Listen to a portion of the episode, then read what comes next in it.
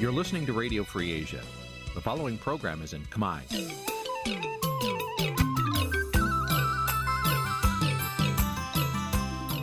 នេះជាកម្មវិធីផ្សាយ Vuthu Azizi Serai នេះជាកម្មវិធីផ្សាយរបស់ Vuthu Azizi Serai ជាភាសាខ្មែរ Vuthu Azizi Serai សូមស្វាគមន៍លោកអ្នកនាងទាំងអស់ពីរដ្ឋធានី Washington នៃសហរដ្ឋអាមេរិក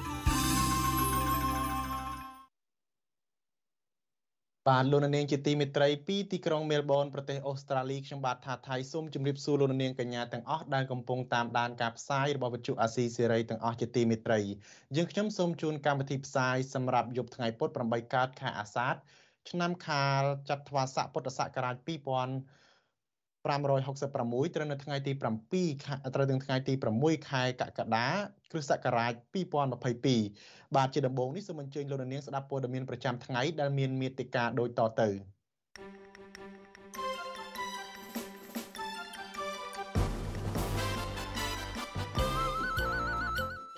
5ទាមទារមានការកែលម្អប្រព័ន្ធបោះឆ្នោត និងសេរីភាពនៃការធ្វើនយោបាយ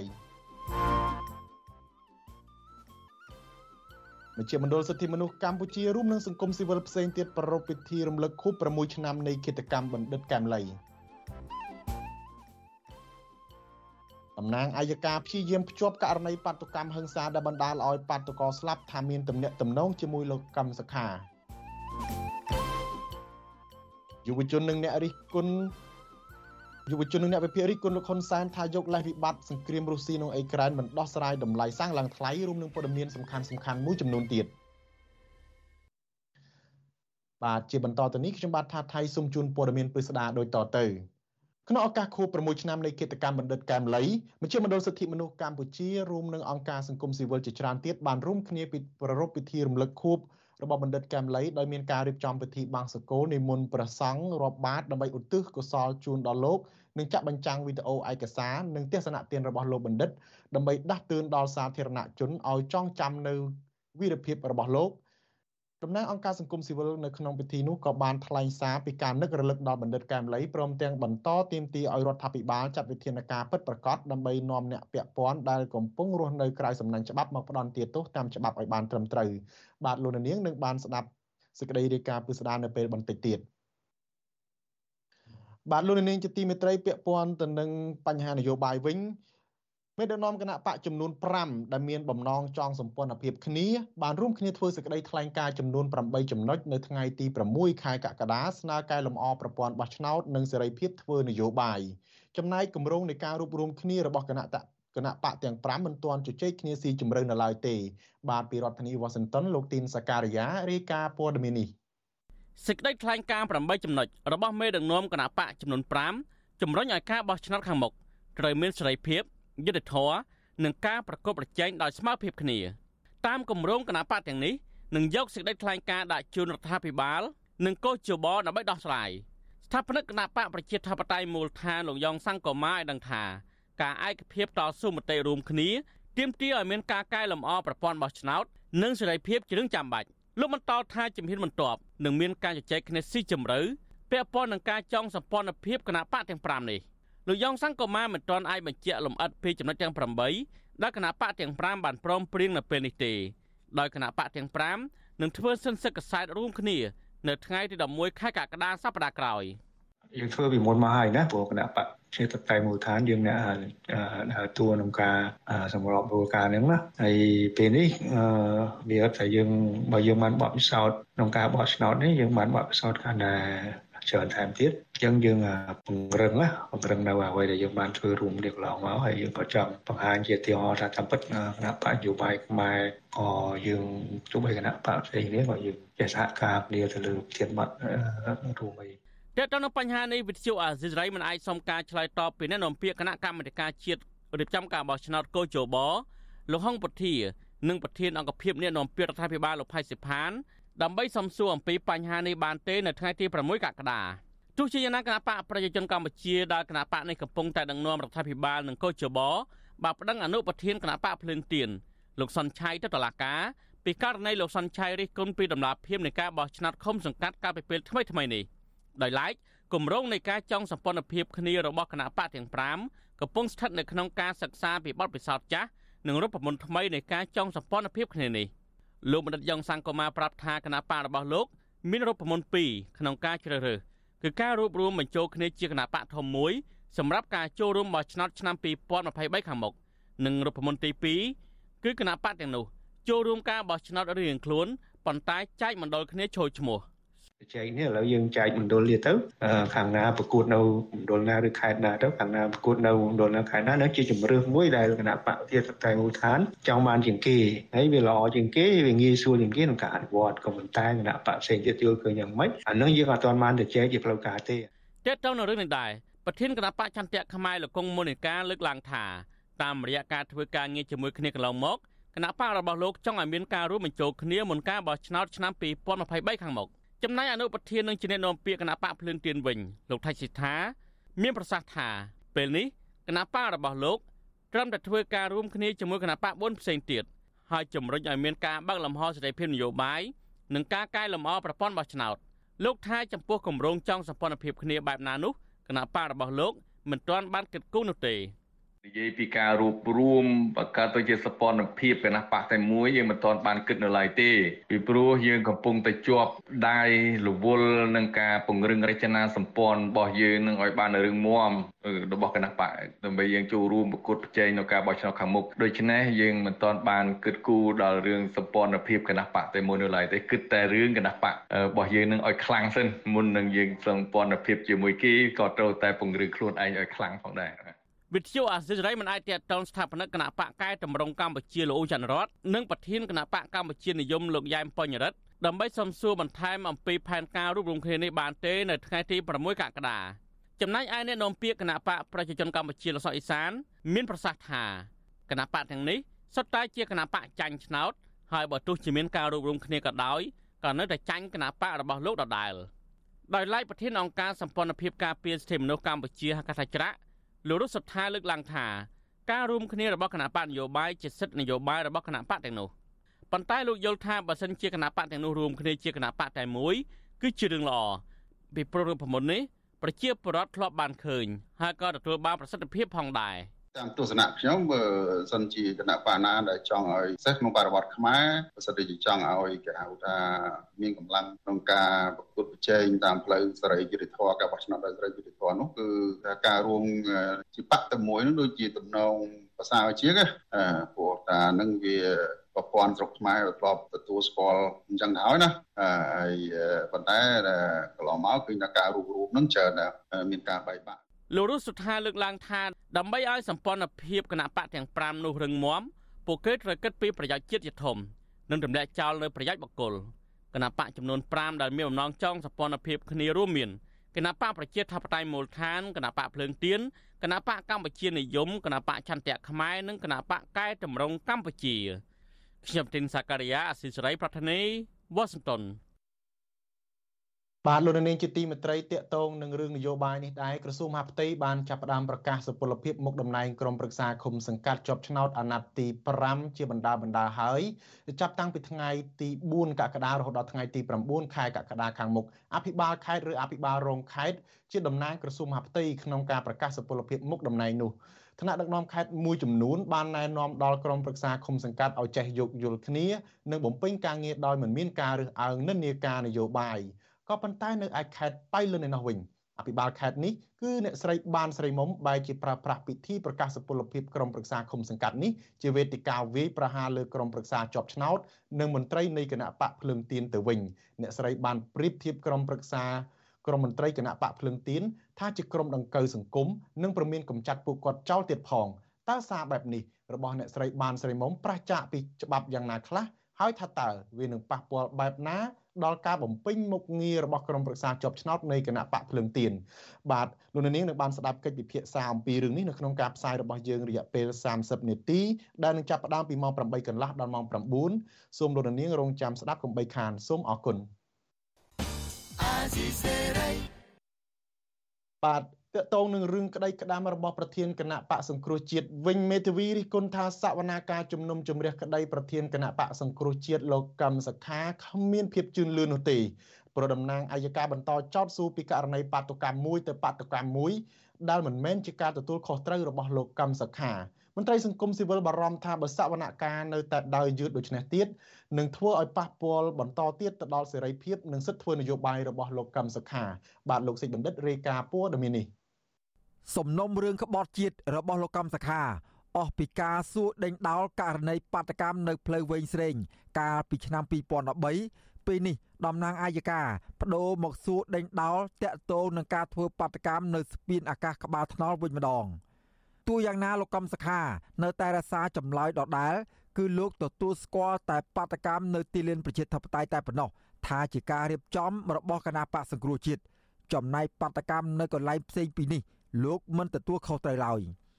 សហមេធាវីការពីក្តីឲ្យលោកកំសខាគឺលោកច័ន្ទជេនថ្លែងប្រាប់ក្រុមអ្នកសារព័ត៌មានក្រោយចេញពីបន្ទប់សវនាការថាចាប់តាំងពីសវនាការទី1ដល់សវនាការទី47នេះនៅតែមានភាពតានតឹងដាក់គ្នា រវាងតំណាងអាយកានិងមេធាវីការពីក្តីលោកកំសខាលោកច័ន្ទជេនបន្តថា ការដែលតំណាងអាយកាបានព្យាយាមយកភស្តុតាងពីវីដេអូនៅស្ពានក្បាលថ្នល់មកចោទប្រកាន់ថា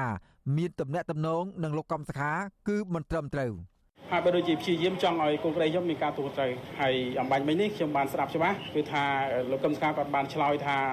អត់មានអ្វីដែលពាក់ព័ន្ធជាមួយគាត់ទេគឺបាតកម្មឬក៏អំពើហិង្សាដែលកើតឡើងនៅគេហៅថាស្ទីលបាត់មកបាទ សវនាការជុំលើកទី47នៃការសួរដេញដោលនៃសំណុំរឿងក្បត់ជាតិរបស់មេបកប្រឆាំងលោកកំសខាតុលាការនៅតែរកមិនទាន់ឃើញថារដ្ឋបរទេសណាមួយ បានខុបខិតជាមួយលោកកំសខា ដើម្បីបដូររំលំរដ្ឋាភិបាលលោកហ៊ុនសែននៅឡើយនោះទេ កាលពីឆ្នាំ2013ក្រមសមត្ថកិច្ចចម្រុះរបស់រដ្ឋាភិបាល បានបាញ់រះទៅលើក្រមបាតកោ ដែលព្យាយាមរុញច្រានបន្លាលួសរបស់សមត្ថកិច្ចដែលដាក់បិទផ្លូវនៅស្ពានអាកាសក្បាលថ្នល់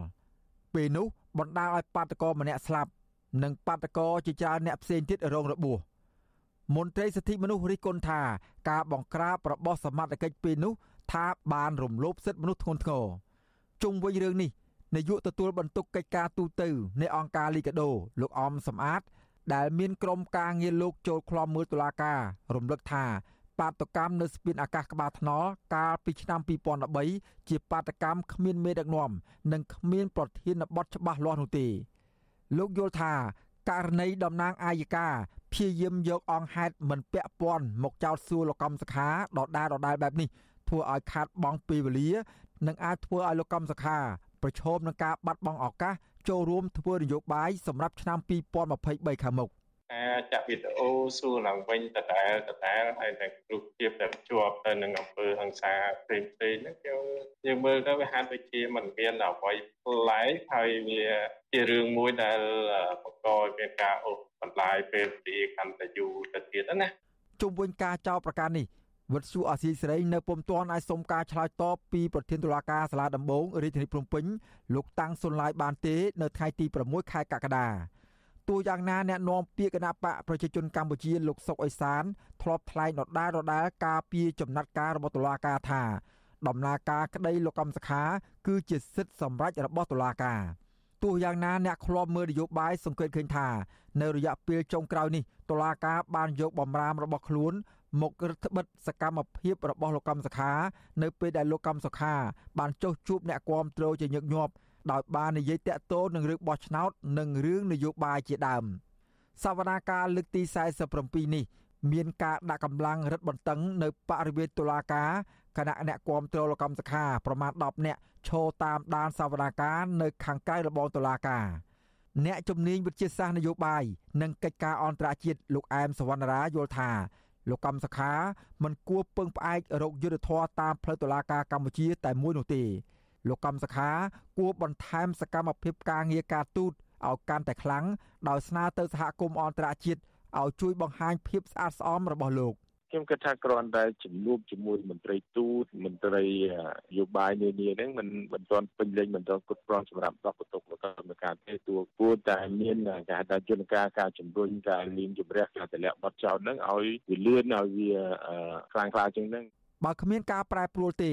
តុលាការនឹងបន្តដេញដោលសួរលកម្មសខាបន្តទៀតនៅថ្ងៃពុធទី13ខែកក្កដាសប្តាហ៍ក្រោយខ្ញុំបាទសេកបណ្ឌិតវិទ្យុអាស៊ីសេរីពីរដ្ឋធានីវ៉ាស៊ីនតោនបាទលោកនាងជាទីមេត្រីរដ្ឋាភិបាលដឹកនាំដោយគណៈបកប្រជាជនកម្ពុជា នៅតែបន្តរងការចោទថាបានធ្វើទុកបុកម្នេញទៅលើគណៈបកនយោបាយប្រឆាំងជាពិសេសគឺគណៈបកភ្លើងទៀនបើទោះបីជាគណៈបកកណ្ដាលអំណាចមួយនេះបានឈ្នះឆ្នោត ទទួលបានជោគជ័យទៅលើសលប់នៅក្នុងការបោះឆ្នោតក្រុមប្រឹក្សាឃុំសង្កាត់ក៏ដោយគណៈបកភ្លឹងទៀនដែលបានក្លាយជាគណៈបកប្រឆាំងដ៏ធំមួយបន្ទាប់ពីមានការរំលាយគណៈបកសង្គ្រោះជាតិហើយនោះពេលនេះកំពុងព្យាយាមធ្វើសកម្មភាពនយោបាយដើម្បីឲ្យបើកដើម្បីបើកឲ្យមានដង្ហើមប្រជាធិបតេយ្យឡើងវិញតើគណៈបកភ្លឹងទៀននឹងតស៊ូបែបណាហើយមានផែនការបែបណាសម្រាប់ការបោះឆ្នោតជាតិឆ្នាំ2023បាទឥឡូវនេះយើងបានភ្ជាប់ទូរស័ព្ទ ជាមួយនឹងអាដាមសុនឆៃដែលជាមន្ត្រីជាន់ខ្ពស់របស់គណៈបកភ្លើងទៀនដើម្បីជជែកពិភាក្សាជាមួយលោកជំរាបសួរអាដាមបាទ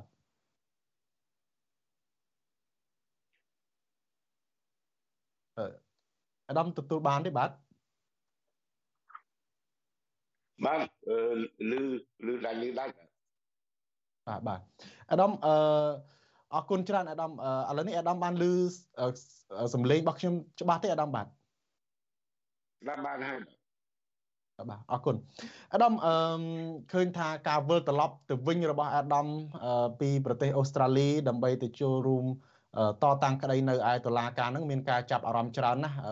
ជាពិសេសក៏មានការលើកឡើងថាអាដាមមានភាពក្លាហាននៅពេលដែលមានការរុំរឹតដោយបណ្ដឹងពីគណៈបកកណ្ដាលអំណាចផង ពីគោជបផងហើយជាលើកទី1ហើយដែលគោជបប្តឹងអ្នកនយោបាយតើតើឥឡូវនេះអាដាមវិលត្រឡប់ទៅវិញនេះអាដាមនឹងដោះស្រាយបែបណាដែរនឹងធ្វើនយោបាយបែបណាដែរបាទនៅពេលដែលមានការដាក់បណ្ដឹងពីគណៈបកកណ្ដាលអំណាចផងពីគោជបនៅក្នុងតុលាការផងបាទ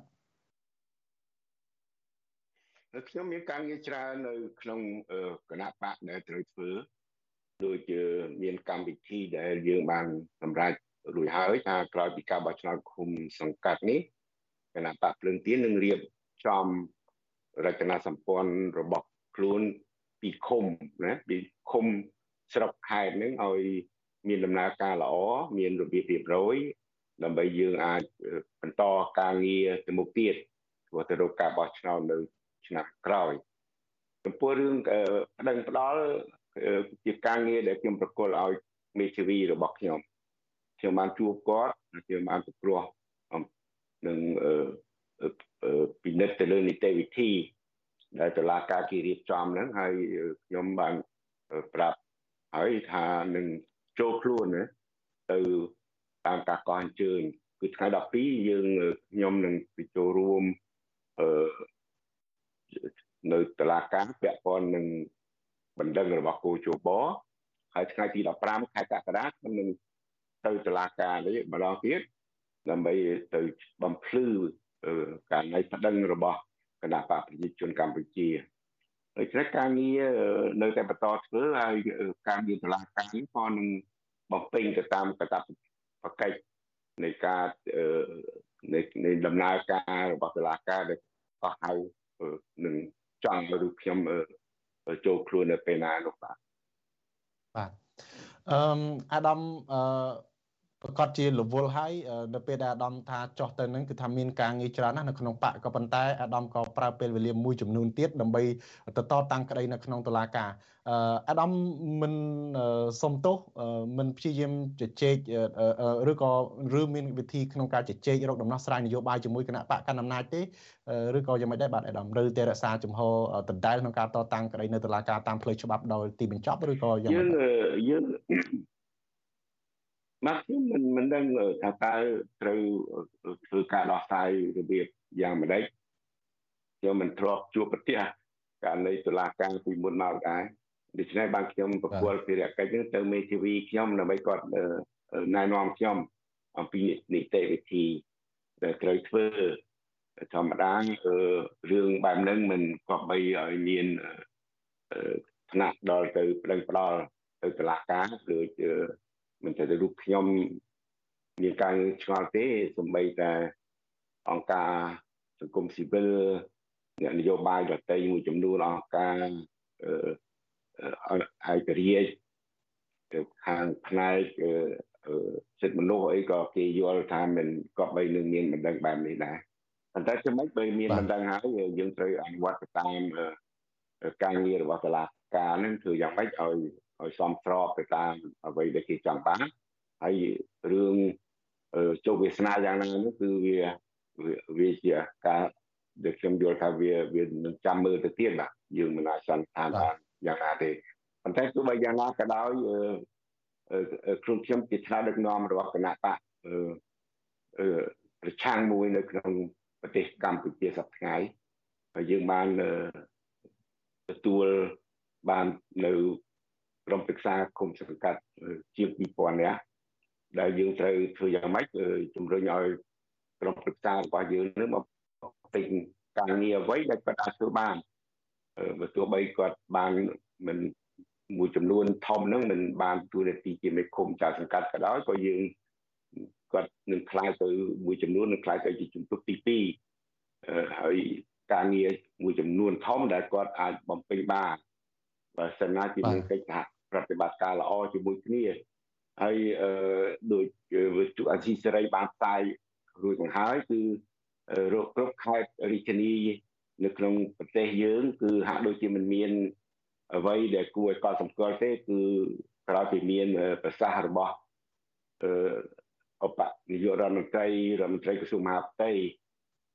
បានបញ្ជាក់អំពីកិច្ចសហប្រតិបត្តិការល្អជាមួយគ្នាក្នុងការបម្រើ សេវាល្អត្រឹមត្រូវដល់ពលរដ្ឋមានតែខេត្តតៃលិនមួយទេតាមឡើងមកខ្ញុំក៏សួរនាំដែរគឺថាមានតែខេត្តតៃលិនមួយទេដែលមានចវាយខេត្តស្រីម្នាក់ហ្នឹងគឺគាត់មានសកម្មភាពនឹង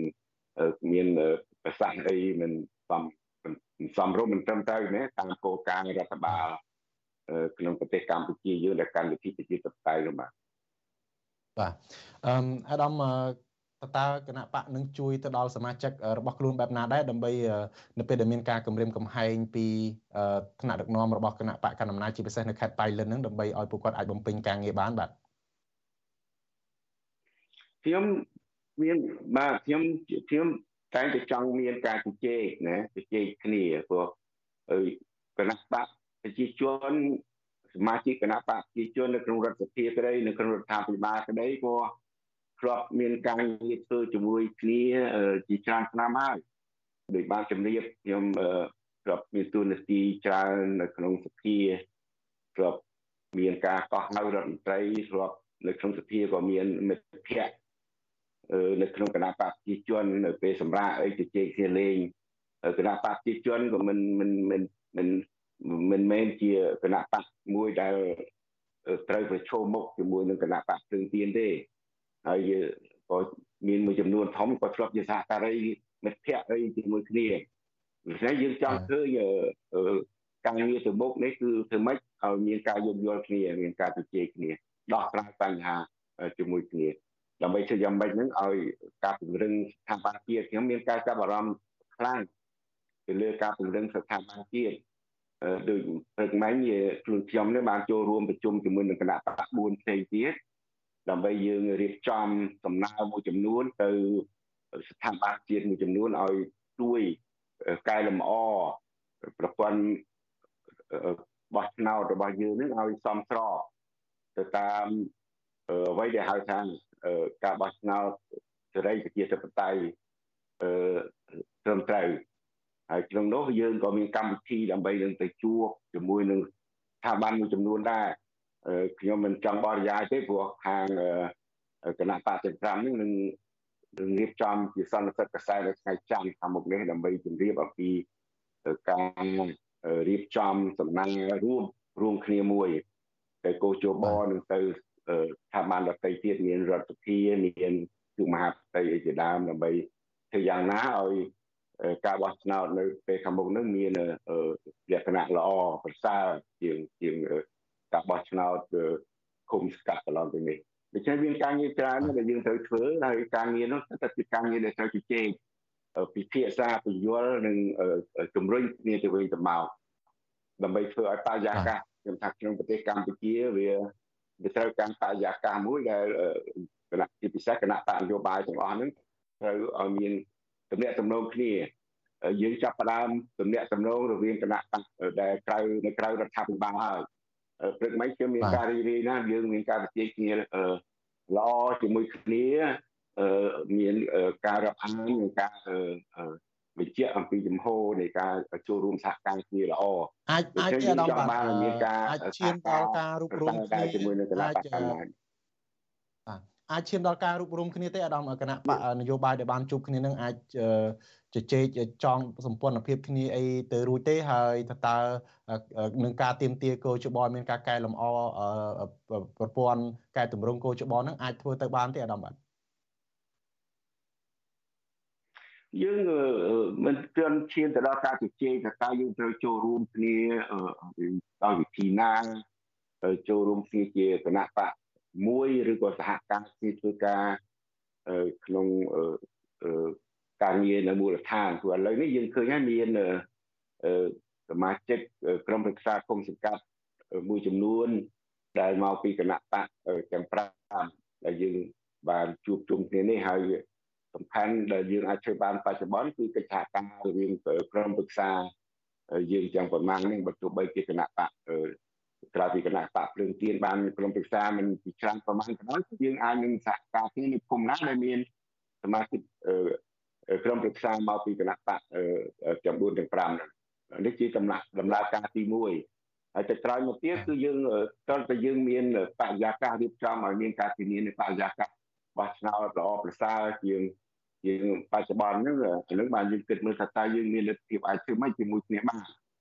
នេះជាជាការគិតទៅមុខទៀតទេមិនទាន់មានអីជាទិសដៅអីប្រកបជាទេប៉ុន្តែក៏ស្គាល់ជាលទ្ធភាព ឬក៏ជា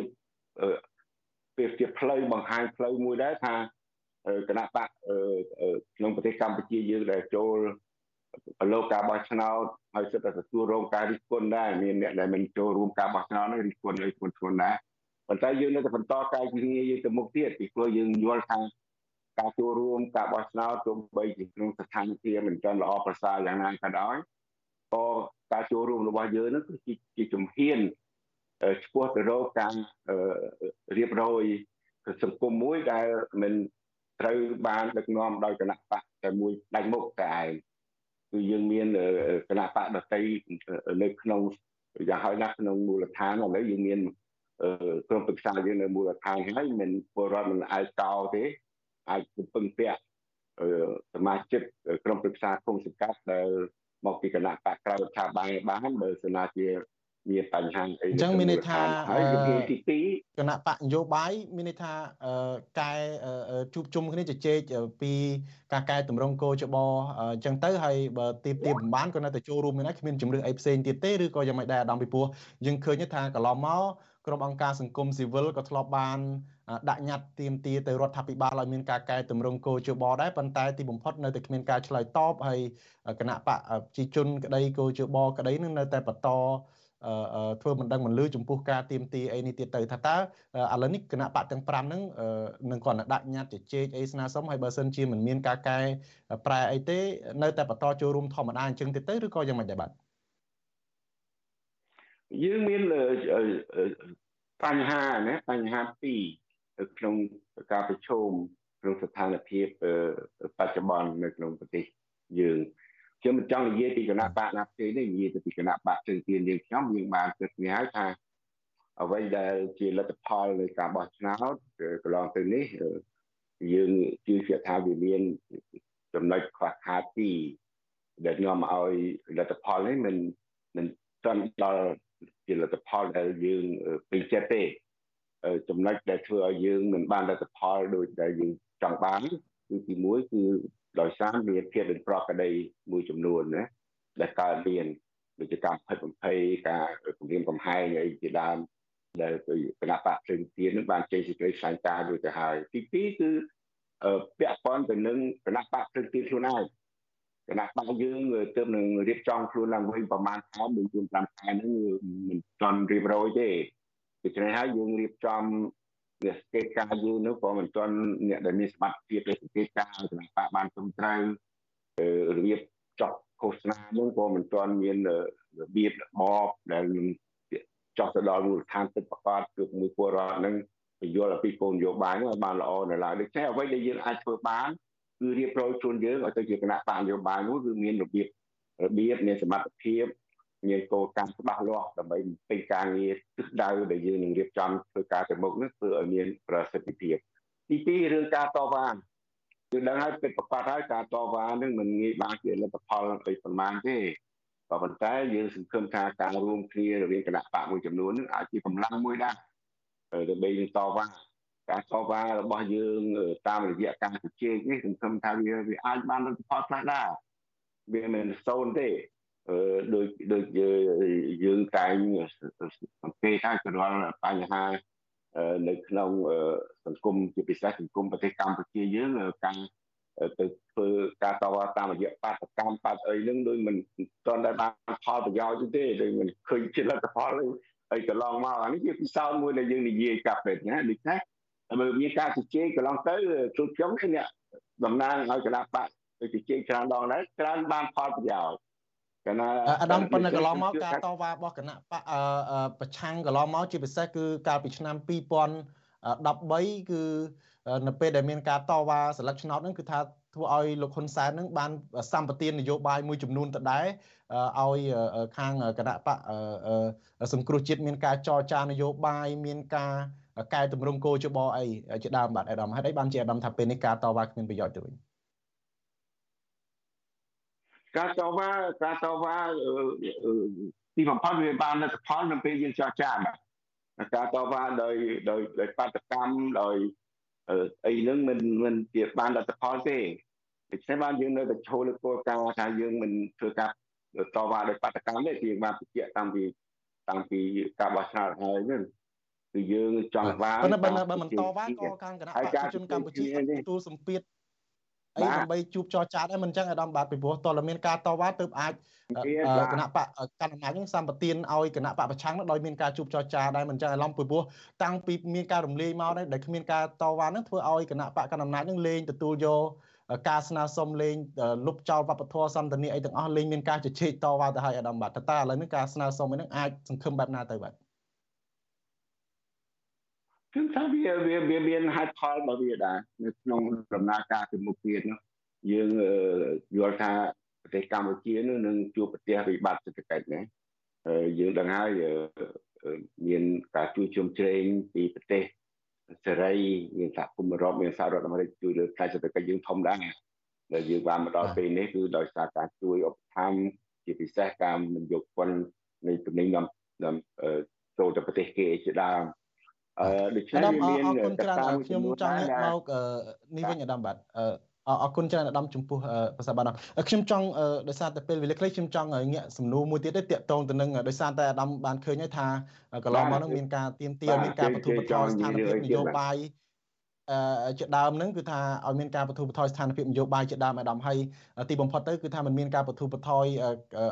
ការគម្រាមកំហែងនយោបាយទេបែរជាមានការគម្រាមកំហែងទៅលើគណៈបក ភ្លើងទៀនមានការចាប់ខ្លួនមានការដែលសូម្បីតែអាដាមផ្ទាល់ហ្នឹងក៏មានការគម្រាមកំហែងមានការជាប់បណ្ដឹងនៅតុលាការអីទៀតផងថាតើសមរភូមិនយោបាយនៅក្នុងឆ្នាំ2023គណៈបកភ្លើងទៀននឹងតស៊ូបែបណាដែរអាដាមបាទហើយមួយទៀតតើអាដាមយល់ថាក្នុងឆ្នាំការបោះឆ្នោតជាតិនេះគណៈបកភ្លើងទៀននឹងកំណត់គោលនយោបាយអត្តភាពអីខ្លះដែរសម្រាប់ចូលរួមប្រកួតប្រជែងបាទយើងត្រូវដឹងថា ជាការរស់នៅក្នុងសង្គមកាលណាយើងខ្សោយអានឹងគេគេមើលងាយបាទគេគេធ្វើអ្វីមកលើយើងបានតាមចិត្តប៉ុន្តែបើយើងរៀបរយគណៈបកយើងមានរបៀបធ្វើការត្រឹមត្រូវវារៀបរយមានវិន័យហើយមានភាពមើងម៉ាត់ច្បាស់លាស់អានឹងក៏គេគោរពយើងទៅតាមនោះដែរអានេះទៅតាមដែលខ្ញុំយល់ហើយក្នុងការរៀបចំទៅមុខទៀតនឹងយើងដឹងហើយវាវាត្រូវពង្រឹងការងាររបស់យើងឲ្យរឹតតែមានប្រសិទ្ធភាពក្នុងការទាក់ទាញ ពលរដ្ឋឲ្យគ្រប់គ្រងគណៈបកភ្លឺទៀនហើយធ្វើម៉េចការពារលទ្ធផលការពារឆន្ទៈពលរដ្ឋឲ្យបានកុំឲ្យមានការរីកចម្រើនរយៈកាលណាមួយហើយជាមួយគ្នានោះដែរខ្ញុំសូមជម្រាបដែរគោលនយោបាយមានសារៈសំខាន់ណាស់នៅក្នុងប្រទេសដែលមានការបោះឆ្នោតប្រកួតប្រជែងមានតែគោលនយោបាយដែលធ្វើឲ្យពលរដ្ឋពេញចិត្តអឺដែលនាំដល់ការគ្រប់គ្រង ហើយក្នុងប្រទេសកម្ពុជាយើងវាមានសំណាងចេះថាពលរដ្ឋមិនទៅចាយស្លឹកឆ្នោតរបស់ខ្លួនទៅលប៉ាត់លប៉ាយគ្រប់តែគណៈបាលទេដោយសារលោកមានការចង់បានឲ្យមានការផ្លាស់ប្ដូរការគ្រប់គ្រងប្រទេសឲ្យមានរបៀបឲ្យមានសិលធម៌ឲ្យមានភាពស្អាតស្អំឲ្យមានការទទួលខុសត្រូវជាដើមលោកចង់បានគណៈបកមួយដែលមានគោលនយោបាយច្បាស់លាស់លើវិស័យនៃការ កសាងសង្គមដែលទទួលយកនៅការទទួលខុសត្រូវមួយ ដែលនឹងបំរើពលរដ្ឋជាធំដោយបំរើសេវាលើគ្រប់វិស័យធានាការរីកលូតលាស់នៅសុខភាពនិងជីវភាពរស់នៅ របស់ពលរដ្ឋនឹងឲ្យរស់នៅបានត្រឹមត្រូវថ្លៃថ្នូរហើយនឹងការពារលើសម្បត្តិទ្រព្យជាតិយើងនឹងឲ្យបានគង់វង្សដូច្នេះឬក៏គោលនយោបាយរបស់យើងយើងនឹង ឆ្លោះបញ្ចាំងទៅលើអ្វីដែលពលរដ្ឋចង់បានហើយយើងនឹងធ្វើកម្មរៀបចំគោលនយោបាយឲ្យបានច្បាស់លាស់ឲ្យងាយយល់ហើយអាចធានាថាពលរដ្ឋនឹងជឿទុកចិត្តថាបើយើងមានទទួលបានការគ្រប់គ្រងទៅដឹកនាំប្រទេសហ្នឹងគឺថាគោលនយោបាយទាំងនោះនឹងអាចធ្វើទៅបានដូច្នេះយើងនឹងរៀបចំគោលនយោបាយបានគោលនយោបាយដែលបានសម្រៀបបាយមិននេះហើយបាទ បាទអរគុណច្រើនអាដាមបាទដោយសារតែពេលវេលាខ្លីសូមជម្រាបលាអាដាមត្រឹមប៉ុណ្ណេះសង្ឃឹមថានឹងបានជួបអាដាមលើកក្រោយទៀតអរគុណសូមជម្រាបលាអាដាមបាទបាទអរគុណជម្រាបលាបាទជំរាបអាដាមបាទបាទលោកនាងជាទីមិត្តរីភរិយានិងកូនកូនរបស់លោកបណ្ឌិតកែមលីរួមទាំងសហគមន៍ខ្មែររដ្ឋវិកតូរីយ៉ានៅប្រទេសអូស្ត្រាលីគ្រងនឹងរៀបចំពិធីបុណ្យខួប6ឆ្នាំនៃឃាតកម្មបណ្ឌិតកែមលីនៅថ្ងៃទី10ខែកក្កដានៅទីស្នាក់ការរបស់សមាគមខ្មែរ ភរិយាបណ្ឌិតកែមលីគឺលោកស្រីប៊ូរចនាបានបង្ហោះសារលើ Facebook ដោយអញ្ជើញប្រជាពលរដ្ឋចូលរួមពិធីបុណ្យខួបនេះទៅតាមសទ្ធារៀងៗខ្លួនលោកស្រីបញ្ជាក់ថាមកទល់ពេលនេះលោកស្រីនិងកូនកូននៅតែនឹករលឹកទៅដល់ស្វាមីហើយនៅតែមានការឈឺចាប់ចំពោះអំពើឃាតកម្មដែលគ្មានយុត្តិធម៌នេះជាមួយគ្នានេះប្រធានសមាគមខ្មែរ រដ្ឋវីកតូរីយ៉ាលោកជាយូហនមានប្រសាសន៍ថាពិធីបុណ្យខួបឆ្នាំនេះគឺគ្រូសាលោកបណ្ឌិតកែមលីជាអ្នករៀបចំដោយផ្ទាល់ហើយសមាគមនិងសហព័ន្ធគឺជាអ្នកជួយជ្រោមជ្រែងពីក្រោយលោកអំពាវនាវដល់ជនរួមជាតិខ្មែរទាំងអស់ចូលរួមពិធីបុណ្យខួបលោកបណ្ឌិតកែមលីដែលជាវីរៈវរៈរបស់ជាតិខ្មែរទាំងមូល ប្រធានសមាគមខ្មែររូបនេះបន្តថាពិធីខូបនេះក្រៅពីឧទ្ទិសបុណ្យកុសលដល់លោកបណ្ឌិតកែមលីហើយនោះក៏ធ្វើឡើងដើម្បីចងចាំនៅគំរូវីរភាពរបស់លោកនិងបន្តទាមទារឲ្យរដ្ឋាភិបាលកម្ពុជាស្វែងរកឃាតករពិតនិងអ្នកពាក់ព័ន្ធក្នុងអំពើឃាតកម្មនេះមកផ្ដន្ទាទោសតាមច្បាប់ដើម្បីផ្ដល់យុត្តិធម៌ដល់ជនរងគ្រោះគឺថាយើងយើងសូមឲ្យរដ្ឋាភិបាលអនុមេតាជួយរកយ៉ាងម៉េចឲ្យឲ្យឃើញនៅគៀតតទាំងនោះបាទបើសិនជារដ្ឋាភិបាលបានជួយ រឃើញចាប់បានអ្នកណាមកគឺថាយើងវាអស់ចិត្តដូច្នេះប្រជាជនខ្មែរយើងទាំងអស់គ្នាក៏មានការរស់នៅដោយសុខដុមរមនារស់នៅដោយសบายរីករាយជាមួយគ្នាហើយមានការទុកចិត្តនៅរដ្ឋាភិបាលសម្ដេចហ៊ុនសែនបាទបើកាលណារដ្ឋអំណាចរកមិនឃើញបានបានសេចក្តីរដ្ឋអំណាចហ្នឹងគឺជាអ្នកស្លាប់គេហ្នឹងបាទ ដូច្នេះមិនចាំបាច់និយាយអីច្រើនទេគឺថាបើសិនជាយើងបើរដ្ឋអំណាចខំរក6ឆ្នាំហើយគួរតែរកឲ្យឃើញបាទហើយ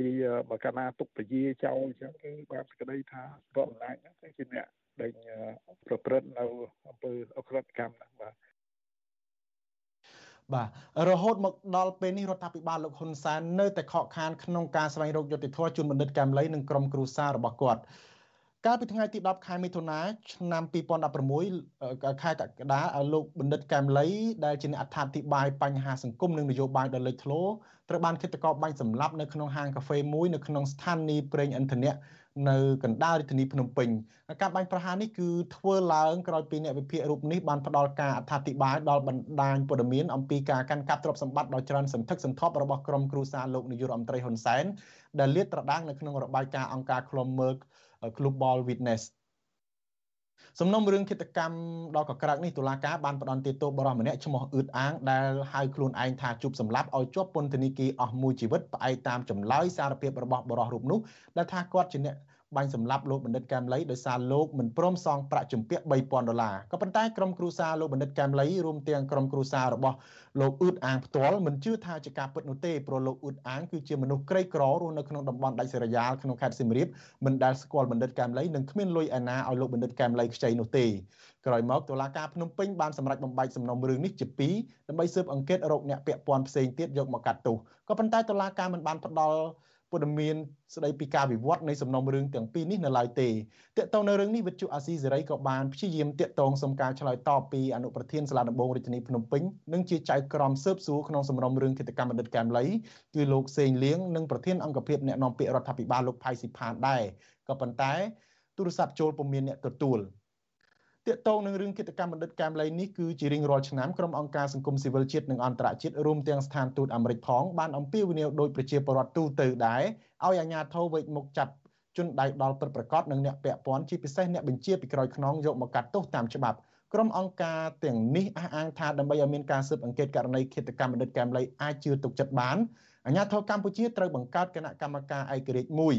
ដោយមានការចូលរួមពីអង្គការសហប្រជាជាតិនិងអ្នកជំនាញឯករាជ្យ ក៏ប៉ុន្តែការស្នើសុំនេះត្រូវបានអាជ្ញាធររបបលោកហ៊ុនសែនបដិសេធបង្កើតគណៈកម្មការស៊ើបអង្កេតឯករាជ្យឡើង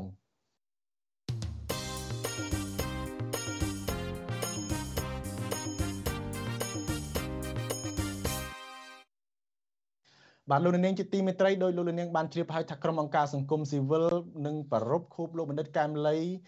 នៅក្នុងរយៈពេល6ឆ្នាំនេះគឺធ្វើឡើងពេញមួយខែកក្កដាតែម្ដងនៅថ្ងៃទី6កក្កដានេះក្រុមអង្គការសង្គមស៊ីវិលមានមជ្ឈមណ្ឌលសិទ្ធិមនុស្សកម្ពុជារួមនឹងអង្គការសង្គមស៊ីវិលជាច្រើនទៀតបានរួមគ្នាធ្វើប្រពបាននាំគ្នាធ្វើពិធីរំលឹកខួបបណ្ឌិតកែមលីដោយមានការរៀបចំពិធីបង្សកូលនិមន្តព្រះសង្ឃរាប់បាតដើម្បីឧទ្ទិសកុសលដល់លោកបណ្ឌិតកែមលីនិងចាក់បញ្ចាំងវីដេអូឯកសារនិងទស្សនៈទានលោកបណ្ឌិតដើម្បីដាស់តឿនដល់សាធារណជនឲ្យចងចាំគំរូវីរភាពរបស់លោក តំណាងអង្គការសង្គមស៊ីវិលក៏បានថ្លែងសារពីការនឹករលឹកដល់បណ្ឌិតកែមលីព្រមទាំងបន្តទាមទារឲ្យរដ្ឋាភិបាលចាត់វិធានការពិតប្រាកដដើម្បីនាំអ្នកពាក់ព័ន្ធដែលកំពុងរស់នៅក្រៅសំណាញ់ច្បាប់មកផ្ដន់ទាទោសតាមច្បាប់ឲ្យបានត្រឹមត្រូវបាទអ្នកស្រីសុជីវីរាយការណ៍ព័ត៌មាននេះមជ្ឈមណ្ឌលសិទ្ធិមនុស្សកម្ពុជាហៅកាត់ថា CCHR និងអង្គការដៃគូសហការដែលមានជាអាចដូចជាសមាគមការពារសិទ្ធិមនុស្សអាត6អង្គការការពារសិទ្ធិមនុស្សលីកាដូ អង្គការសហប្រជាជាតិទទួលបន្ទុកផ្នែកសិទ្ធិមនុស្សនៅកម្ពុជា មន្ត្រីសហជីពអ្នកវិភាគក្រមយុវជនព្រមទាំងមន្ត្រីអង្គការសង្គមស៊ីវិលជាច្រើនស្ថាប័នទៀតបានប្រារព្ធពិធីរំលឹកខួប6ឆ្នាំនៃឃាតកម្មលើបណ្ឌិតកែមលីនៅថ្ងៃទី6ខែកក្កដានៅពេលព្រឹកនៃពិធីរំលឹកខួបនេះមជ្ឈមណ្ឌលសិទ្ធិមនុស្សកម្ពុជា បានរៀបចំពិធីបាំងស្កូលនិងនិមន្តព្រះសង្ឃសូត្រមន្តរាប់បាតនិងសម្ដែងពិធីគិរវកិច្ចដើម្បីគោរពនិងឧទ្ទិសជូនវិញ្ញាណក្ខន្ធលោកបណ្ឌិតកែមលីដែលត្រូវឃាតករបាញ់សម្លាប់អស់រយៈពេល6ឆ្នាំកន្លងមកនេះ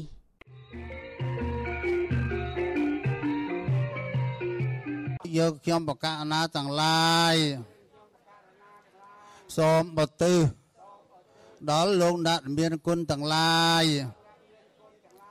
ជាពិសេសមានបណ្ឌិតកែមលីជាដើមហើយយកខ្ញុំបកណាទាំងឡាយសូមវេនៅសង្ឃផតនេះ ប្រគេនដល់ព្រះសង្ឃបន្ទាប់ពីវេចង្ហាន់ប្រគេនព្រះសង្ឃតាមបែបព្រះពុទ្ធសាសនាមជ្ឈមណ្ឌលសិទ្ធិមនុស្សកម្ពុជាបានចាក់បញ្ចាំងកម្រងវីដេអូឯកសារនិងទស្សនៈទានបណ្ឌិតកែមលីវីដេអូឯកសារនោះបង្ហាញពីខ្សែជីវិតរបស់បណ្ឌិតកែមលី ការដែលលោកនៅមានជីវិតគឺលោកបានលះបង់កម្លាំងកាយចិត្តនិងសេចក្តីសុខផ្ទាល់ខ្លួនដើម្បីចុះស្រាវជ្រាវពីបញ្ហានៅក្នុងសង្គមនៅតាមតំបន់ដាច់ស្រយាលដូចជាតំបន់ទន្លេសាបព្រំប្រទល់កម្ពុជាវៀតណាម និងតំបន់ព្រៃអភិរក្សជាដើមមជ្ឈមណ្ឌលសិទ្ធិមនុស្សកម្ពុជា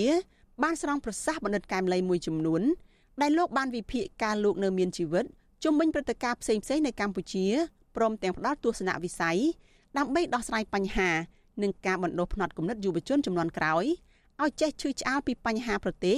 និងស្វែងយល់ពីជោគវាសនានៃបូរណភាពទឹកដីខ្មែរនៅថ្ងៃខាងមុខបើយើងចង់បានអភិបាលកិច្ចល្អ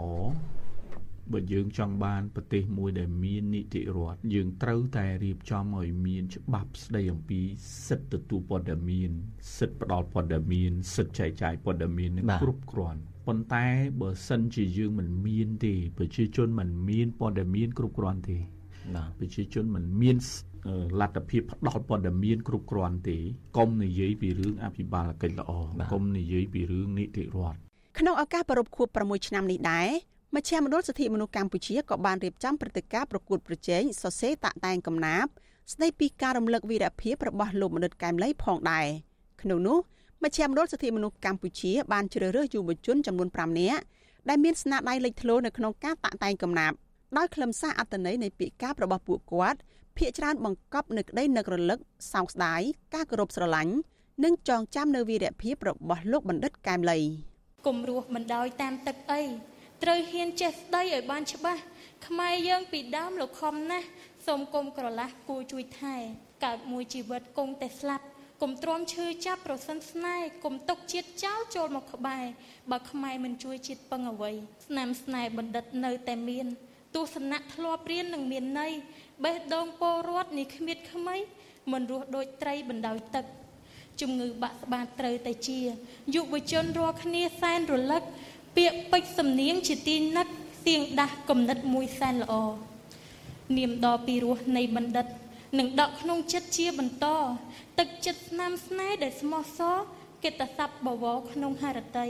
ប្រធានសមាគមប្រជាធិបតេយ្យឯករាជ្យនៃសេដ្ឋកិច្ចក្រៅប្រព័ន្ធលោកវ៉ុនពៅលើកឡើងថាលោកនៅតែចងចាំនឹកស្ដាយស្រណោះអាឡោះអាឡៃបណ្ឌិតកែមលីដែលធ្លាប់ចូលរួមសហការធ្វើការងារសង្គមជាមួយគ្នាលោកបន្តថាការចូលរួមប្រារព្ធពិធីរំលឹកខួប6ឆ្នាំនៃបណ្ឌិតកែមលីនេះគឺជាការពញ្ញាស្មារតីឲ្យកូនខ្មែរចំនួនក្រោយ បន្តចងចាំនៅវីរជនស្នេហាជាតិដែលបានពលីជីវិតដើម្បីជាតិមាតុភូមិអញ្ចឹងយើងត្រូវតែរំលឹកនឹកគុណរបស់គាត់យើងមិនអាចបំភ្លេចកែមលៃក្នុងមួយជីវិតបានឡើយហើយជានេះទៅទៀតវាជាការដាស់តឿនគាត់រំលឹកទៅដល់កូនខ្មែរទាំងអស់ទាំងក្នុងក្រៅប្រទេសត្រូវចងចាំចំណិចនៅការលះបង់របស់លោកដិតកែមលៃទៅចងចាំចំណិចនៅការធ្វើពលកម្មរបស់គាត់ យើងមិនអាចបំភ្លេចគាត់បានហើយសូមឲ្យខ្មែរទាំងអស់គ្រប់គ្នាទៅចងចាំមិនមែនមានន័យថាចងចាំនៅពេលដែលគាត់ស្លាប់ហើយទៅហែហោមរាប់លាននេះប៉ុន្តែបន្ទាប់មកមនុស្សកាន់តែសាបសូន្យកាន់តែបាត់ទៅបាត់ទៅហើយនាំគ្នាបំភ្លេចគាត់អានឹងមិនមែនទេត្រូវតែចងចាំគាត់រហូតដល់តកូនតចៅពូជពងវងផៅខ្មែរតទៅទៀតមិនអាចបំភ្លេចគាត់បានអ្នកស្រាវជ្រាវការអភិវឌ្ឍនឹងជាអ្នកវិភាគនយោបាយដ៏មានប្រជាប្រិយភាពបណ្ឌិតកែមលីត្រូវបានខ្មាញ់កំភ្លើងបាញ់សម្លាប់កាលពីព្រឹកថ្ងៃទី10ខែកក្កដាឆ្នាំ2016 នៅឯស្តាម៉ាតក្នុងស្ថានីយ៍លក់ប្រេងកាល់តិចស្តុបបូកូក្នុងរាជធានីភ្នំពេញអំពើឃាតកម្មនេះតុលាការបានផ្តន្ទាទោសអឿតអាងដែលហៅខ្លួនឯងថាជួបសម្លាប់ឲ្យជាប់ពន្ធនាគារអស់មួយជីវិតប៉ុន្តែសាធារណជននៅតែមិនអស់ចិត្តឡើយព្រោះពួកគេសុទ្ធតែជឿថាអឿតអាងជាបរិះក្រីក្ររស់នៅតំបន់ដាច់ស្រយាលនៅក្នុងខេត្តសៀមរាបរូបនេះមិនអាចធ្វើរឿងនេះតែម្នាក់ឯងបាននោះឡើយណែយកទៅឲ្យដៃឲ្យលក់ទៅស ម្រាប់មនុស្សម្នាក់ណែធ្វើបន់កតនណែហេតុទៀនភាសាណែធ្វើបន់ច្រើនសាងគាសាងធ្វើអីធ្វើទៅព្រាកខ្លួនតែចេញជាសំឡេងជាយងមកខ្លួនតាមដែរក៏ស្លាប់ដែរនេះសង្គមខ្មែរអាចយកទៅធំណាអាណាហ៊ានដូចកូនរដ្ឋាភិបាលអ្នកនឹងងាប់ហើយជួយខ្មែរផងអន្តរជាតិងាប់អើយប្រាប់អាណាចាំ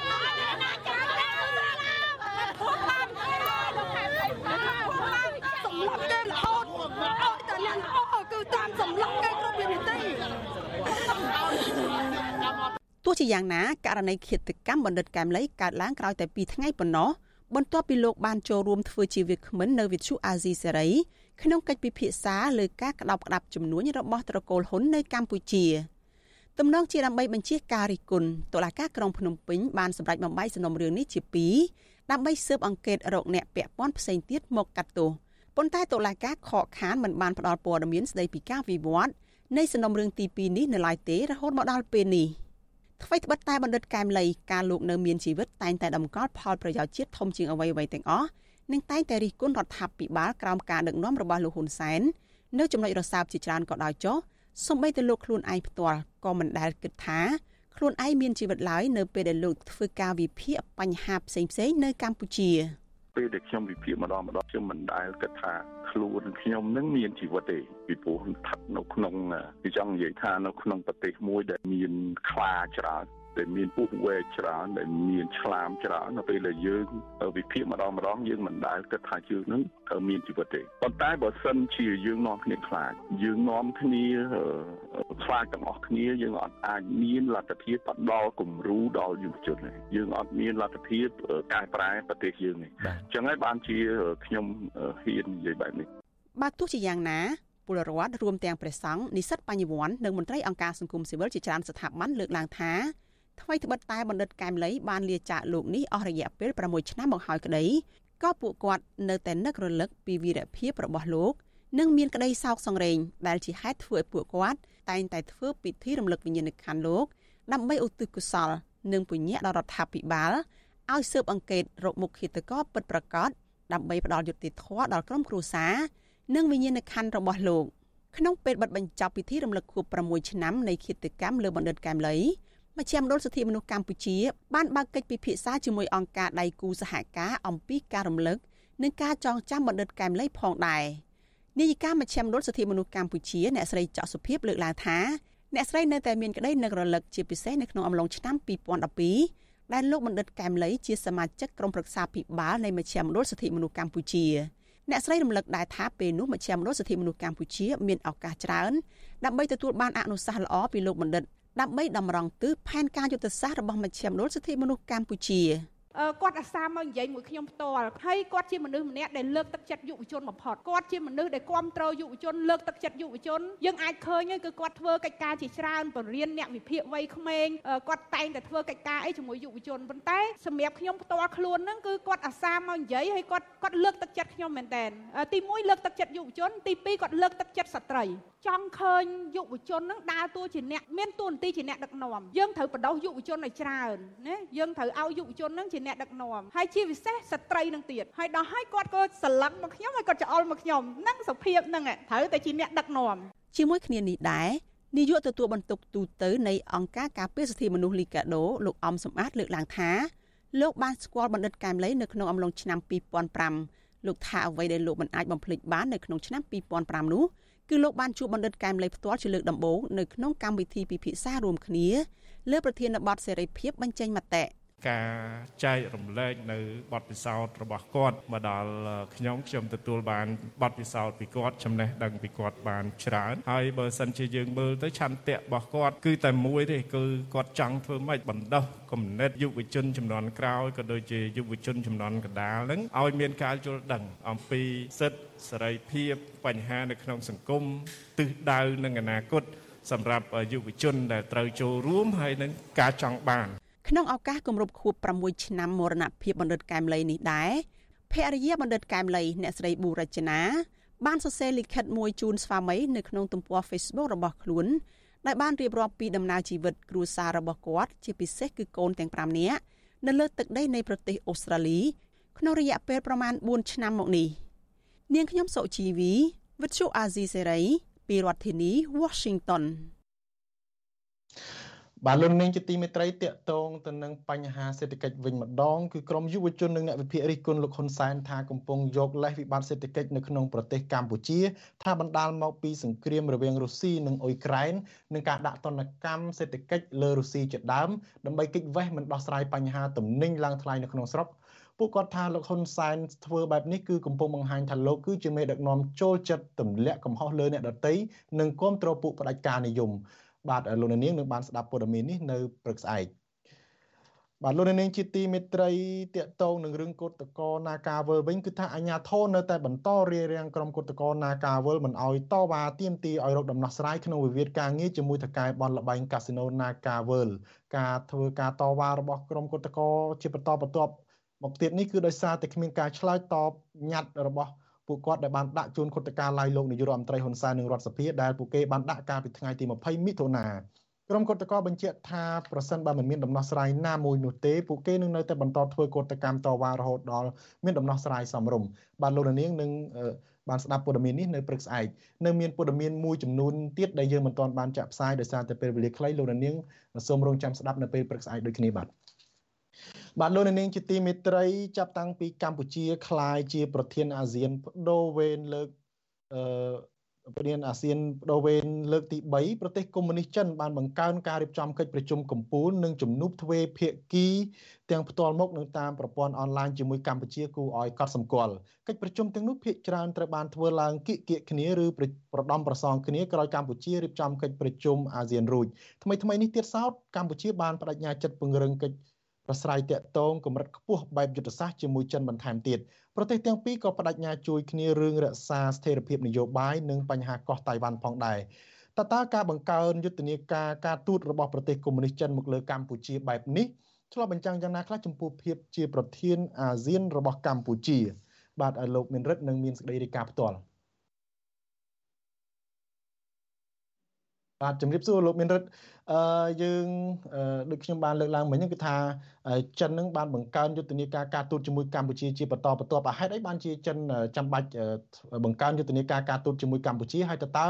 ប៉ះពាល់ដល់ជំហរកម្ពុជាបែបណាខ្លះដែរក្នុងពេលដែលកម្ពុជាកំពុងតែធ្វើជាប្រធានអាស៊ាននេះបាទបាទអរគុណលោកថាថៃយើងបានដឹងទាំងអស់គ្នាហើយយើងឃើញថាកម្ពុជាបានរៀបចំកិច្ចប្រជុំកំពូលអាស៊ានក្នុងនាមជាម្ចាស់ផ្ទះ ស៊ីប្រធានបដូវវេនអាស៊ានលើកទី3នេះជាបន្តបន្ទាប់អស់រយៈពេលជាង6ខែឬកន្លះឆ្នាំមកហើយហើយនៅសល់ពេលមិនដល់6ខែទៀតទេដែលកម្ពុជាត្រូវបញ្ចប់ទូនាទីក្នុងនាមជាប្រធានបដូវវេនកាលពីឆ្នាំ2012ហ្នឹងនៅពេលដែលកម្ពុជារៀបចំធ្វើជាប្រធានបដូវវេនអាស៊ានលើកទី2ហ្នឹងកម្ពុជាបានធ្វើឲ្យពិភពលោកភ្ញាក់ផ្អើលម្ដងមកហើយដល់ពេលនោះគឺបានខកខានធ្វើឲ្យសមាគមអាស៊ានទាំងមូលមិនអាចចេញ នៅសេចក្តីការរួមផ្ដោតលើបញ្ហាចំនួននៅតំបន់សមុទ្រចិនខាងត្បូងបានទេហើយគឺជាប្រវត្តិសាស្ត្រក្នុងរយៈពេលជិតកន្លះទសវត្សរ៍ជិតកន្លះសវត្សរ៍របស់អាស៊ានក្រោយពីការបង្កើតសមាគមអាស៊ានតាំងពីឆ្នាំ 1967មកដែលសមាគមអាស៊ានទាំងមូលមិនអាចចេញសេចក្តីថ្លែងការណ៍រួមបានក្រោយពីការបញ្ចប់កិច្ចប្រជុំកំពូលអាស៊ានដែលខ្មែរយើងធ្វើជាប្រធានបដូវវេនអាស៊ានកាលពីឆ្នាំ2012ឥឡូវនេះទៀតសោតយើងឃើញថាកម្ពុជានឹងហាក់បីដូចជាមានទំនោរមួយទៅការពារផលប្រយោជន៍ឲ្យប្រទេសកុម្មុយនីសចិននៅលើនៅក្នុងតំបន់អាស៊ាននេះយើងឃើញមានលំនាំជាច្រើនដូចជាថ្មីថ្មីនេះមានការរៀបចំកិច្ចប្រជុំថ្នាក់ រដ្ឋមន្ត្រីការពារជាតិអាស៊ានកាលពីថ្ងៃទី22ខែមិថុនាហ្នឹងក៏មានការភ្លាមភ្លាមក្រោយពីបញ្ចប់ថ្នាក់រដ្ឋមន្ត្រីការពារជាតិអាស៊ានកិច្ចប្រជុំនោះភ្លាមក៏ចិនហ្នឹងបានមកចូលរួមធ្វើជាកិច្ចប្រជុំក្រៅផ្លូវការមួយតាមរយៈប្រព័ន្ធអនឡាញអីជាបន្ទាប់ក្រោយកិច្ចប្រជុំថ្នាក់រដ្ឋមន្ត្រីការពារជាតិអាស៊ាននោះ ហើយកាលពីកិច្ចប្រជុំនៅឯរឿងហៅថាកិច្ចសន្ទនាសាំងគ្រីឡាលើកទី19នៅប្រទេសសិង្ហបុរីយើងឃើញថាចិនហ្នឹងក៏បានព្យាយាមចូលរួមនៅក្នុងកិច្ចប្រជុំនោះមានជំនួបទ្វេភាគីផងជំនួបប្រជុំជាមួយក្រុមប្រទេសរដ្ឋមន្ត្រីការពារជាតិអាស៊ានទាំងមូលផង នេះដែលដែលនេះបញ្ជាក់សឲ្យឃើញថាចិនកំពុងតែព្យាយាមតាមដានឬក៏ប្រើគ្រប់វិធីសាស្ត្រនៅលើឆាកអន្តរជាតិដើម្បីចូលរួមនៅក្នុងកិច្ចប្រជុំធ្វើម៉េចឲ្យមានភាពពាក់ព័ន្ធរបស់ខ្លួននៅជាខ្លាយជាចំណុចកណ្ដាលមួយនៅក្នុងកិច្ចប្រជុំថ្នាក់អន្តរជាតិដែលកម្ពុជារៀបចំឬក៏ថ្នាក់កម្រិតតំបន់អីជាដើមនោះបាទក្រៅពីនេះរយៈពេលចុងក្រោយនេះទៀតសោតគឺយើងឃើញ នៅពេលដែលរដ្ឋមន្ត្រីការបរទេសកម្ពុជាឬក៏ជាប្រិយសិទ្ធពិសេសអាស៊ានអំពីបញ្ហាមីយ៉ាន់ម៉ាហ្នឹងលោកប្រាក់សុខុនធ្វើដំណើរទៅទស្សនកិច្ចជាលើកទី2ជាទស្សនកិច្ចការងារនៅតំបន់នៅប្រទេសមីយ៉ាន់ម៉ាឬភូមាដើម្បីដោះស្រាយបញ្ហាវិបត្តិនយោបាយនៅភូមាក្រោយពីមានការធ្វើរដ្ឋប្រហារដោយក្រមរបបសឹកភូមាហ្នឹងយើងឃើញថាចិនហ្នឹងក៏បានព្យាយាមភ្លាមភ្លាមធ្វើឲ្យមានកិច្ចប្រជុំ មួយទៀតគឺគឺយើងហៅថាកិច្ចប្រជុំលំដាប់ជាកិច្ចប្រជុំនៃកិច្ចសហប្រតិបត្តិការមេគង្គឡាងឆាងលើកទី7ហ្នឹងដែលមានការចូលរួមពីរដ្ឋមន្ត្រីការបរទេសនៅក្នុងចំណោមប្រទេសក្នុងតំបន់មេគង្គដែលមាន6ប្រទេសបូកជាមួយនឹងប្រទេសចិនផងនោះគឺបានចូលរួមកិច្ចប្រជុំនេះ ថាកិច្ចប្រជុំនេះទៀតសត្វហាក់បីដូចជាធ្វើឡើងដើម្បីបន្តតាមដានអ្វីដែលប្រេសិតពិសេសអាស៊ានស្ដីពីបញ្ហាសិទ្ធិមនុស្សស្ដីពីបញ្ហាភូមិហ្នឹងបានទៅបំពេញទស្សនកិច្ចការងារនៅទីនេះដែលបង្ហាញឲ្យឃើញដូចយើងដឹងហើយថាចំហរបស់កម្ពុជាចុងក្រោយហ្នឹងក្នុងនាមជាប្រធានអាស៊ានហាក់បីដូចជាធ្វើឡើងស្របតាមអ្វីដែលជាការចង់បានរបស់ប្រទេសចិនជាក់ស្ដែងកាលពីដំបូងឡើយកម្ពុជាមិនអាចរៀបចំកិច្ចប្រជុំថ្នាក់រដ្ឋមន្ត្រីការបរទេសអាស៊ានបានទេលោកមេរិតសូមកាត់លោកបន្តិចលោកមេរិតបាទ អឺសូមឆ្លៀតឱកាសនេះជម្រាបលោកអ្នកស្ដាប់ថាសម្រាប់លោកអ្នកនាងដែលកំពុងតាមដានការផ្សាយរបស់យើងតាមរយៈរលកធាតុអាកាសខ្លីឬ Shortwave នៅរយៈពេលបន្តិចទៀតនេះគឺថានៅម៉ោង8:30នាទីបន្តិចទៀតនេះលោកអ្នកនាងនឹងមិនលឺការផ្សាយរបស់យើងទៀតទេក៏ប៉ុន្តែលោកអ្នកនាងដែលកំពុងទស្សនាការផ្សាយរបស់យើងតាមបណ្ដាញសង្គម Facebook និង YouTube សូមបន្តនៅជាមួយយើងបន្តទៀតបាទសូមអញ្ជើញលោកមានរិទ្ធបន្ថែមទៀតបាទបាទហ្នឹងហើយដូចដែលខ្ញុំបានលើកឡើងបាញ់មិញអញ្ចឹងថាលំនាំដែលកម្ពុជាហាក់បីដូចជា ធ្វើតាមអ្វីដែលខ្លួនព្យាយាមការពារអត្ថប្រយោជន៍របស់ប្រទេសចិននៅលើឆាកអន្តរជាតិក្នុងនាមជាប្រធានអាស៊ានហ្នឹងហាក់បីដូចជាកំពុងតែបន្តលំនាំនេះមិនខុសកាលពីឆ្នាំ2012ទេលោកថាថៃប្រហែលជាបានជ្រាបហើយថានៅពេលដែលប្រិយសិទ្ធពិសេសអាស៊ានអឺស្ដីពីបញ្ហាមីយ៉ាន់ម៉ាហ្នឹងទៅធ្វើទស្សនកិច្ចការងារនៅមីយ៉ាន់ម៉ារយៈពេល3ថ្ងៃនោះ បញ្ចប់ពីនឹងភ្លាមមានកិច្ចប្រជុំជាមួយនឹងចិនដែលចិនបង្កើតជាកិច្ចប្រជុំមេគង្គឡាងឆាងនៃកិច្ចសហប្រតិបត្តិការមេគង្គឡាងឆាងដោយមានការចូលរួមពីរដ្ឋមន្ត្រីការបរទេសផ្សេងផ្សេងនៅក្នុងតំបន់មេគង្គទៅប្រជុំគ្នានៅទីនោះនៅប្រទេសភូមាដែរដែលពិភពលោកមិនចង់រាប់រកហើយដែលរបបសឹកភូមាជារបបសឹកខុសច្បាប់ដែលសហគមន៍អន្តរជាតិជាពិសេសក្រុមប្រទេសលោកខាងលិចហ្នឹងមិនរាប់រកឬក៏បានដាក់ទណ្ឌកម្មជាបន្តបន្ទាប់ក៏ប៉ុន្តែ ថ្មីថ្មីនេះគឺចិនបានព្យាយាមបង្ហាញឲ្យគេឯងឃើញថាចិនកំពុងតែការពាររបបសឹកភូមាដោយការទទួលស្គាល់ជាលក្ខណៈជាមុខមាត់ពេញមុខពេញមាត់ឬឲ្យតម្លៃពេញមុខពេញមាត់